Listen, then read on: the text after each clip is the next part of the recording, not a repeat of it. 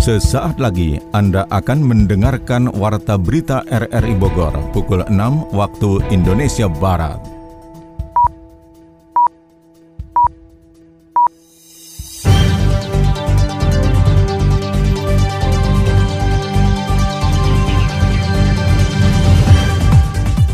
Selamat pagi.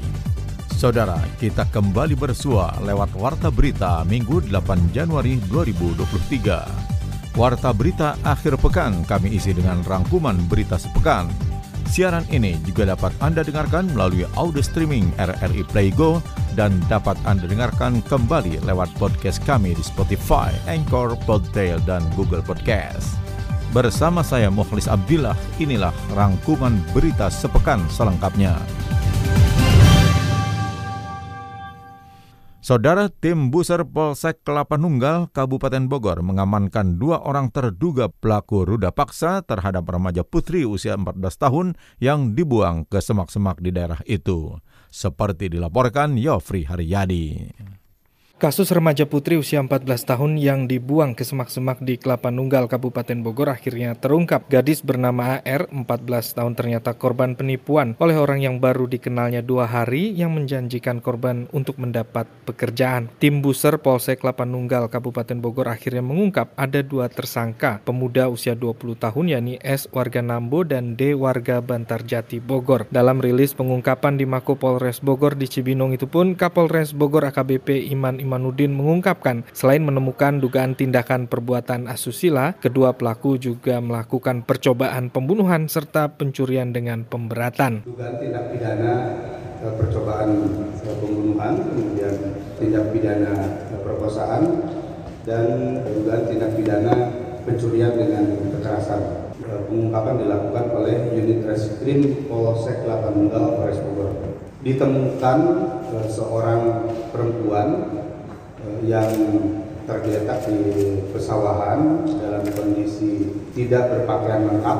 Kemudian dari hasil olah tempat kejadian perkara, tim unit reskrim Polsek Kelapa Nunggal, saat unit resmo Satreskrim Polres Bogor melakukan penyelidikan dan dari hasil penyelidikan yang telah dilakukan ditemukan fakta-fakta yang mengarah pada dua orang yang patut diduga telah melakukan perbuatan kejahatan tersebut. Korban AR diketahui masih menyandang status sebagai pelajar SMP. Korban ditinggalkan dengan kondisi lemas dengan pakaian yang tidak lengkap dan kini masih menjalani pasca trauma di RSUD Cibinong. Kapolsek Kelapa Nunggal AKP Irine Kania Devi menambahkan ada bekas tindak kekerasan dalam tubuh AR saat melakukan perampasan HP dan dompet korban sebelum dirudak paksa. Untuk modusnya sendiri awalnya itu dari pelaku itu menghubungi korban dan menawarkan mau ikut gak untuk ditawari pekerjaan. Kemudian setelah itu, setelah disetujui, akhirnya dijemput.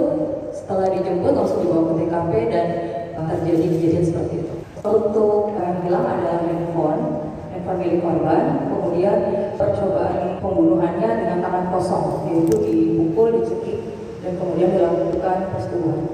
Visum awal, ya dari bentuk visum awal memang ada luka dari luar, kemudian luka lebam, untuk kondisi terakhir saat ini masih dalam pendampingan, pendampingan juga dari psikiater dan juga dari Pemda serta dari perlindungan perempuan dan anak. Selain mengamankan dua orang tersangka, polisi juga mengamankan barang bukti berupa kendaraan roda dua korban, gadget, serta baju dalam milik korban. Kedua pelaku disangkakan pasal 6 huruf B Undang-Undang Nomor 12 Tahun 2022 tentang tindak pidana kekerasan seksual. Kemudian pasal 82 ayat 1 Undang-Undang Nomor 35 Tahun 2014 tentang perubahan atas Undang-Undang Nomor 23 Tahun 2022 tentang perlindungan anak dengan jeratan maksimal 15 tahun penjara. Pemkot Bogor melakukan penataan kota melalui perubahan konsep pasar Bogor menjadi lahan terbuka hijau. Sony Agung Saputra menurunkan catatannya. Pemerintah Kota Bogor melakukan penataan kota melalui perubahan konsep Pasar Bogor dan Plaza Bogor menjadi lahan terbuka hijau karena saat ini masih terdapat pedagang liar yang membuat lingkungan menjadi kumuh seperti di kawasan Jalan Pedati dan Roda. Wali Kota Bogor Bima Arya menjelaskan desain perubahan tersebut sudah dibuat Perumda Pasar Pakuan Jaya dan Dinas Perdagangan Perindustrian Koperasi dan UKM. Nantinya akan ada beberapa fasilitas dalam kawasan tersebut seperti sentra UMKM, masjid, dan taman sehingga bisa lebih tertata tata rapi sebagai wajah baru di pusat kota. Nanti akan ada bangunan pusat perbelanjaan, ada UMKM, akan direncanakan ada masjid. Desainnya masih difinalisasi. Intinya ini tidak boleh menjadi pasar. Karena di pusat kota ini nggak cocok lagi. Nanti akan semrawut dan macet. Kemudian ada, akan ada bangunan parkir juga. Ada ruang terbuka, ada ruang terbuka, ada untuk UMKM, direncanakan ada juga masjid. Intinya konsepnya itu tidak sama lagi. Konsepnya itu bukan untuk pasar basah berbelanja, bukan. Tapi konsep yang lebih rapih lah karena kita mengantisipasi ke depan nanti akan tambah semeraut yang kotor kalau ini masih jadi pasar. Pak untuk sosialisasi sudah dari bulan dua bulan lalu ini masih berproses sosialisasi. Tapi tadi banyak penolakan yang maksudnya meminta tunda untuk setelah lebaran itu. Ya, nanti, nanti kita akan tambah. Untuk merealisasikan hal tersebut, pemerintah Kota Bogor juga melakukan sosialisasi kepada masyarakat pedagang dan toko yang ada di kawasan tersebut. Dalam sosialisasi itu, aparatur kecamatan kelurahan bersama semua dinas terkait akan menjabarkan proses yang akan berlangsung selama revitalisasi berjalan, termasuk kemungkinan adanya relokasi pedagang. Di lapangan saya minta camat lurah, UMKM dan Pol PP koordinasi yang rapih ya agar mereka diberikan opsi. Kalau tidak di situ ya di mana? Kemarin harus kan sudah ada pembicaraan-pembicaraan masuk ke dalam pasar sini atau para yang lain. Karena ketika itu dibangun kan tidak dimaksudkan untuk memfasilitasi mereka terus rapi karena ada konsep lain nanti di situ. Penataan di kawasan tersebut juga akan menjadi satu kesatuan dengan adanya pelebaran jalan otista sehingga aksesibilitas masyarakat akan lebih terbuka untuk menjaring investasi masuk ke kota Bogor. BMKG Citeko Cisarua Bogor mengingatkan kondisi cuaca ekstrim masih membayangi kawasan wisata Puncak Bogor. Catatan selengkapnya disampaikan Yofri Haryadi.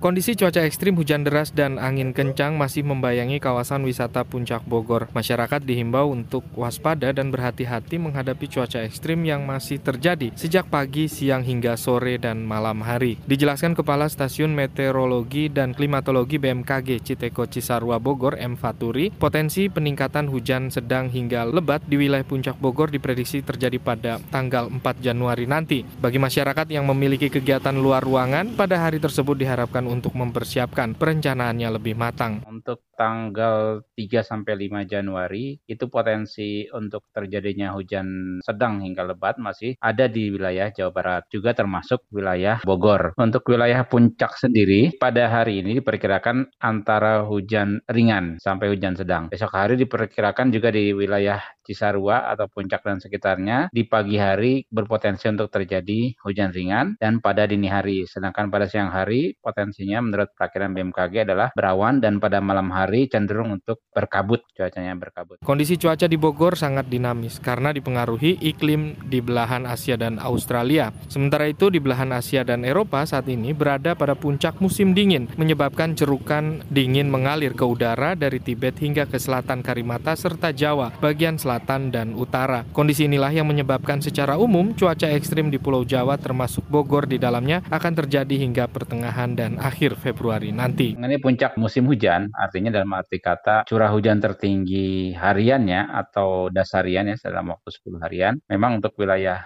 puncak sendiri di bulan Desember dan Januari ini dari segi klimatologis masih masih berpotensi untuk terjadi curah hujan yang sangat tinggi. Namun diperkirakan di Februari akan makin menurun intensitasnya. Tidak hanya ancaman bencana hidrologi saja, akibat cuaca ekstrim dan hujan deras serta genangan air juga mempengaruhi kondisi kesehatan serta menyebarnya penyakit di antaranya flu, diare, dan demam berdarah. Kepala Stamet BMKG Citeko menghimbau kepada masyarakat untuk waspada dan siaga. Sementara itu BPBD Kabupaten Bogor mengingatkan potensi banjir dan longsor di daerah aliran sungai atau DAS seperti dilaporkan Adi Fajar Nugraha. Badan Penanggulangan Bencana Daerah BPBD Kabupaten Bogor meminta masyarakat untuk siaga dalam menghadapi cuaca ekstrim di awal tahun 2023. Kepala Pelaksana BPBD Kabupaten Bogor Yani Hasan menyebutkan, salah satu wilayah yang harus meningkatkan kewaspadaannya ialah bantaran sungai yang sensitif saat terjadi hujan lebat. Sejauh ini, pantauan alat pendeteksi debit air di bantaran sungai yang ada di Kabupaten Bogor masih relatif aman. Namun petugas terus berjaga untuk melakukan deteksi dini saat hujan turun dengan intensitas yang cukup lama. Kalau untuk sungai dengan kondisi hujan seperti ini, kami juga ada beberapa alat pantau. Ini sebetulnya tidak tidak terlalu signifikan karena pengisian aliran air ke sungai itu tidak tidak langsung signifikan seperti itu. Hanya memang kalau durasinya lama, kalau tiga hari empat hari tentunya terjadi akumulasi. Yang ini yang peningkatan. Nah ini juga disebabkan utamanya adalah memang ada siklon tropis di Samudra Hindia, tapi arahnya itu di angin anginnya itu menuju yang berat itu ke arah pesisir Banten dan uh, eh, DKI di utara. Yani mengingatkan kepada warga yang bermukim di bantaran sungai agar mewaspadai peningkatan debit air di das sungai saat terjadi hujan lebat. Pihaknya juga telah berkoordinasi dengan aparat kewilayahan untuk menyiapkan mitigasi bencana jika terjadi banjir ataupun longsor saat cuaca buruk melanda. Apabila terjadi hujan yang memang terus-menerus lebat, artinya bisa diperkirakan sendiri lah lebat selama 3 jam. Nah ini yang menyebabkan potensi banjir, potensi longsor seperti itu. Sehingga masyarakat yang memang ada di daerah tersebut agar bersiap-siap lah. Ya mohon maaf kalau misalnya lagi malam, ya terpaksa harus mengungsi ke tempat yang atau bersiaga untuk ke tempat yang lebih aman. Kami juga sudah menyampaikan ke camat-camat untuk menyiapkan tempat-tempat yang yang memang bisa dilakukan untuk evakuasi seperti itu. Cuaca ekstrim yang terjadi dapat berpotensi menimbulkan bencana hidrometeorologi berupa banjir, hujan es, tanah longsor, angin kencang, dan puting beliung. Sebagai wilayah zona merah rawan bencana, seluruh stakeholder dan masyarakat di Kabupaten Bogor harus melakukan mitigasi di lingkungannya masing-masing guna mengurangi dampak jika terjadi bencana alam. Atas desakan warga, Dinas PUPR Kota Bogor langsung melakukan penanganan kondisi jalan-jalan yang rusak dengan tambal sulam. Kita simak catatan Sony Agung Saputra. Usai sidak Wali Kota Bogor Bima Arya ke sejumlah ruas jalan yang menjadi pusat aktivitas masyarakat, Dinas PUPR setempat langsung melakukan penanganan terhadap jalan-jalan di Kota Bogor. Salah satunya di kawasan Tajur Kota Bogor. Kepala Bidang Pemeliharaan Kebina Marga Dinas PUPR Kota Bogor Tri Eko Harjoyo mengatakan untuk perbaikan secara permanen nantinya akan dilakukan oleh PUPR. Sedangkan untuk jalan nasional masih menunggu pengadaan lelang pada tahun berjalan. Eko menjelaskan berkat adanya desakan warga yang menginginkan perbaikan segera, maka pihaknya melakukan penanganan tambal sulam pada areal jalan yang rusak agar tidak menimbulkan dampak negatif seperti kecelakaan lalu lintas. Wih, sepatu baru nih. Yoi dong, yang dipakai Messi nih. Sepatu lu juga keren tuh bro. Yoi dong, Ronaldo punya nih bro. Eh, tapi lihat tuh sepatu si Marcel. Sepatu apa tuh bro? Merek lokal bro, buatan Indonesia ini mah. Elah, gaji gede, duit banyak, masih aja pakai buatan lokal. Nyirit apa pelit bro? Kualitasnya kurang kali. Eh, sembarangan bilang kualitas buatan dalam negeri kurang. Coba cek sepatu kalian berdua, buka sepatunya, lihat buatan mana. Oh iya iya. Uh. Nantangin. Impor nih bro, beli di luar lah. Made in Indonesia yang gua bro. Coba. Lah, yang gua buatan Indonesia juga. Justru Kualitas buatan kita itu terbaik bro. Dari sepatu, elektronik, fashion, sampai pernak-pernik udah diakuin sama dunia. Ngapain beli barang impor kalau kualitas produk kita lebih oke? Kalau gue sih bangga buatan Indonesia. Saatnya kita bangga buatan Indonesia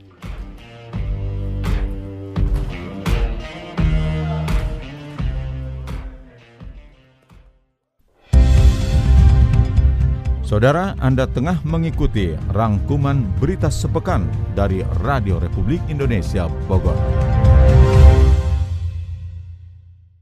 Pengelolaan sumber daya alam untuk kepentingan kepariwisataan di Kabupaten Bogor banyak terkendala masalah perizinan, seperti dilaporkan Yofri Haryadi. Pengelolaan setu atau danau yang jumlahnya ada 94 di Kabupaten Bogor ternyata belum semuanya mendapat izin dari Balai Besar Wilayah Sungai Kementerian Lingkungan Hidup dan Kehutanan. Sulit dan berjenjangnya urusan perizinan dalam pengelolaan setu alam di Kabupaten Bogor itu pun harus diinisiasi oleh Gubernur Jawa Barat memberikan solusi terbaik penataan ruang dan pemanfaatannya. Dijelaskan Sekretaris Daerah Kabupaten Bogor Burhanuddin saat ini banyak pengelolaan sumber daya alam untuk kepentingan pariwisata. Namun karena terkendala oleh perizinan menjadikan ongkos yang dikeluarkan untuk pengelolaan setu atau danau menjadi tinggi, terlebih jika lokasi berada di luar Pulau Jawa dan terpencil. Sekda Burhanuddin mengutarakan untuk satu setu atau danau yang luas cakupannya di bawah 5 hektar diharapkan dapat dikelola oleh pemerintah daerah, kota, atau kabupaten. Ya memang harus ke pusat. Susah gitu untuk mengurus izin? Ya bukan susah karena proseduralnya memang tahapannya seperti itu. Keluarnya harus dari, dari kementerian yang mengeluarkan perizinannya kalau kita mau mendayagunakan atau memanfaatkan.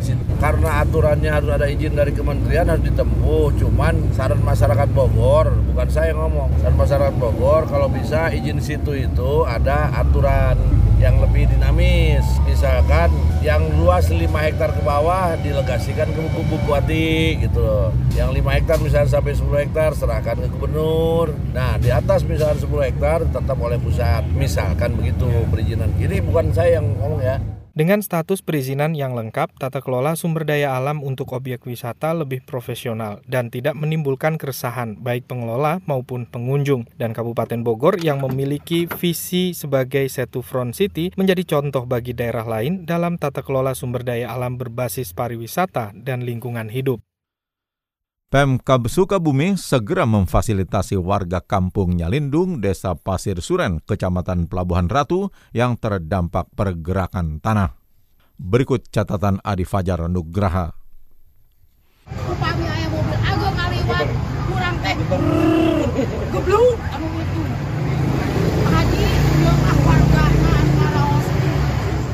Bencana pergerakan tanah kembali terjadi di Kampung Nyalindung, Kecamatan Palabuhan Ratu, Kabupaten Sukabumi. Pergerakan tanah mengakibatkan puluhan rumah rusak dan sebagian di antaranya ambruk. Bencana serupa sebelumnya sempat terjadi pada dua tahun lalu dan kembali terjadi setelah diguyur hujan selama sepekan terakhir dengan kondisi pergerakan tanah yang semakin meluas. Salah seorang warga Kampung Nyalindung, Enung Nur Aini mengungkapkan keinginannya untuk segera direlokasi ke tempat yang lebih aman. Ia berharap pemerintah Kabupaten Sukabumi bisa merespon cepat keluhan warga terdampak yang selama ini merasakan trauma akibat pergerakan tanah. Kita mengajukan direlokasi ke tempat e, Rusunawa, tapi sampai hari ini cuma PHP saja. Sekarang mendengar lagi katanya mau direlokasi lagi, mudah-mudahan.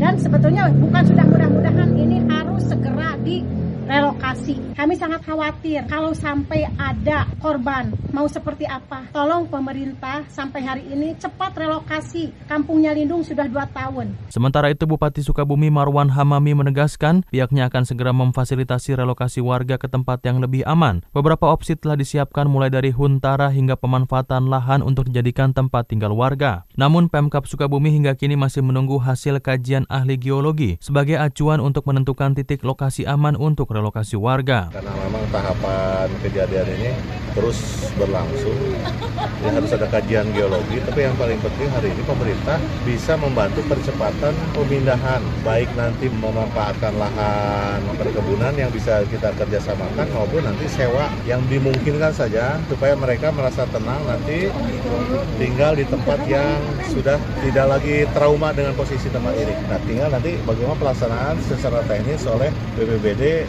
bagaimana melakukan percepatan membantu masyarakat. Pemkap Sukabumi tambah Marwan juga telah memetakan sejumlah daerah yang berpotensi terhadap bencana pergeseran tanah. Pihaknya telah meminta BPBD bersama aparat kewilayahan untuk bersiaga melakukan mitigasi di daerah-daerah yang rawan terjadi pergeseran tanah. Kejadian seperti ini kan bukan di tempat ini saja, di beberapa tempat juga sudah berapa tahun misalnya contoh sama Nyalinung di sana juga Nyalinung gitu, di eh, Ciangsana. Terus seperti ini pergeseran seperti ini satu kecamatan yang sering itu Curug Kemar misalnya Tapi karena keseringan mereka dengan posisi itu, mereka sudah sudah menyesuaikan sendiri. Nah, tapi kalau di sini karena baru kejadian mungkin belum menjadi pengalaman. Sementara itu, Sekretaris Daerah Kabupaten Sukabumi Ade Suryaman mengatakan pihaknya sudah melakukan rapat koordinasi dengan BPBD dan sejumlah pihak untuk penentuan lokasi hunian sementara atau huntara. Ia juga telah meminta Dinas Perumkim untuk segera menghitung nilai yang dibutuhkan untuk fasilitasi huntara tersebut dan memberikan dukungan sektor lainnya seperti dukungan bidang kesehatan, pendidikan, dan sarana prasarana air bersih. Kasus pemerkosaan ABG yang ditemukan terbaring lemas di semak-semak perkebunan pisang di Kelapa Nunggal Kabupaten Bogor mendapat sorotan dari Komisi Perlindungan Anak Daerah KPAD Kabupaten Bogor. Kita simak catatan Adi Fajar Nugraha.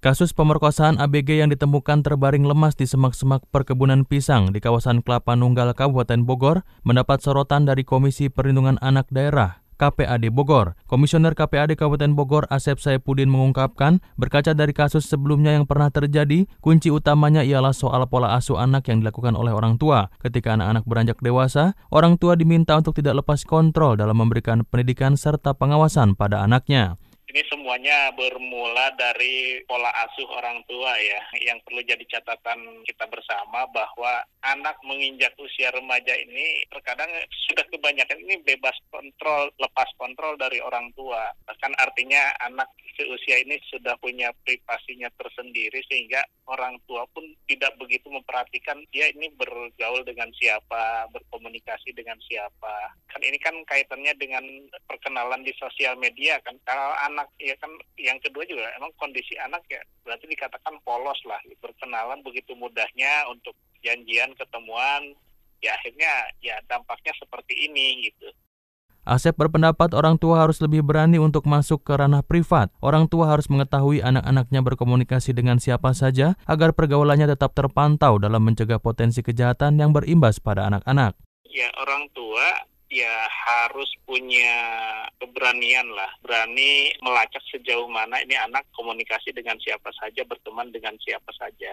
Walaupun memang ketika berbicara undang-undang HAM ini ranahnya privasi, gitu. tapi ya lagi-lagi ketika privasi ini memang benar-benar lepas dari perhatian orang tua ya dan akan terus berulang kejadian yang serupa. Sebelumnya Polres Bogor membekuk dua tersangka, yaitu MDA 19 tahun dan S 19 tahun, setelah melakukan pemerkosaan terhadap AR, gadis berusia 14 tahun. Kapolres Bogor AKBP Iman Imanudin mengungkapkan, korban yang masih berstatus pelajar SMP ini juga mengalami kekerasan fisik dengan beberapa luka lebam di anggota tubuhnya. Selain itu, para pelaku juga berusaha untuk mengambil barang-barang milik korban.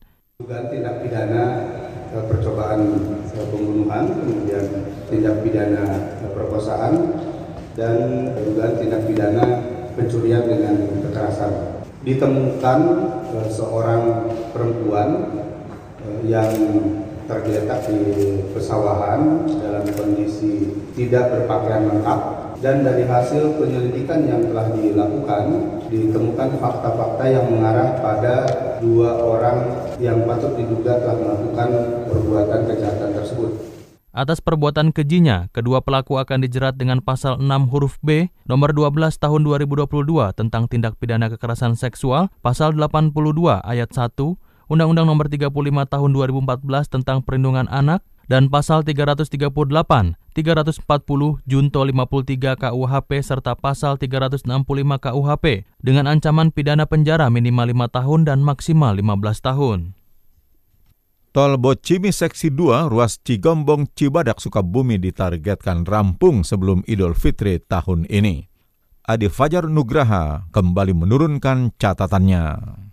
Pembangunan jalan tol Bocimi Seksi 2 ruas Cigombong Cibadak kembali dilanjutkan setelah pada akhir tahun 2022 dibuka secara fungsional untuk mendukung kelancaran arus lalu lintas libur Nataru. Pimpinan proyek jalan tol Bocimi Seksi 2 PT Transjabar Tol Joko Susilo mengungkapkan dalam proses pengerjaannya beberapa tantangan harus dihadapi, utamanya soal geografis wilayah yang berbukit terkadang menyulitkan proses pengerjaan konstruksi. Selain itu faktor cuaca juga menjadi hambatan dalam proses akselerasi penyelesaian tol tersebut tersebut. Uh, memang kita di proyek ini memang banyak tantangan khususnya cuaca, kemudian juga medannya kita dulu berbukit ya. Jadi kendalanya itu sehingga pekerjaan tanah kita mengalami kesulitan untuk melakukan pemadatan sehingga banyak dilakukan review-review untuk percepatan.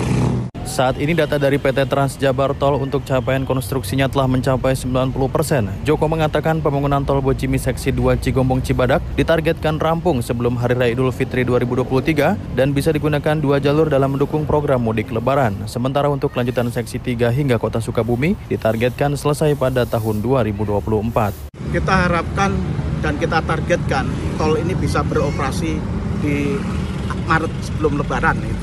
100% itu Pak ya? 100% Maret April nah, awal April kalau Sukabumi itu seksi 3 itu targetnya di tahun depan ini sampai 2024 Setelah sempat dibuka secara operasional sejak 23 Desember 2022 lalu, Tol Bogor Ciawi Sukabumi Seksi 2 kembali ditutup. Selama dibuka secara fungsional pada 23 Desember 2022 hingga 2 Januari 2023, jalan tol sepanjang 11,9 km itu sudah melayani hingga 35.388 kendaraan.